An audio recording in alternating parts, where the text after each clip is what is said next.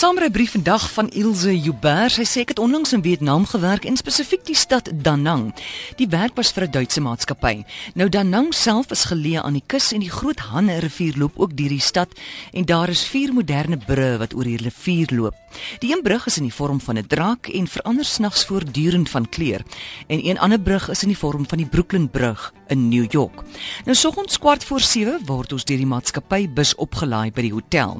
Die bus is 'n ou kombi Almal in die bus is stoepstil en voor op die bonnet tussen hakkies is 'n plastiese Boeddha beeldjie. Die kantoor is 30 km buite die stad. Die strate is bedrywig. Daar's letterlik duisende motorfietsse of skooters soos hulle hier sê op die pad. Dis die mees algemene vervoermiddel in Vietnam. Soms is daar tot 4 mense op so 'n klein skooter. Die motors moet mik en toet om verby te kom. Almal ry net, jy koers en toet maar net. En tog is daar orde te midde van die chaos. Die huise is redelik eenvoudig en armoedig.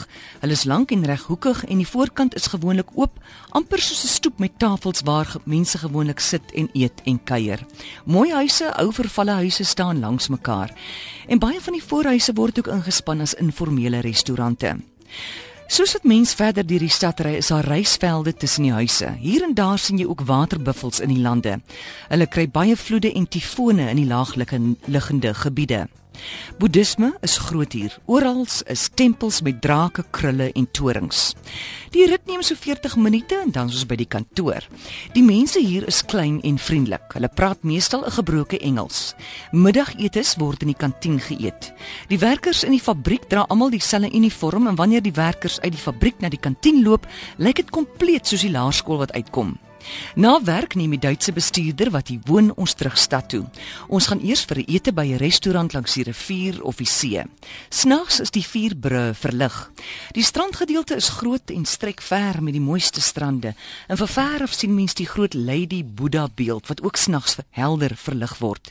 Dis dan ook die strand waar die Amerikaners in 1965 aangeland het tydens die Vietnamoorlog.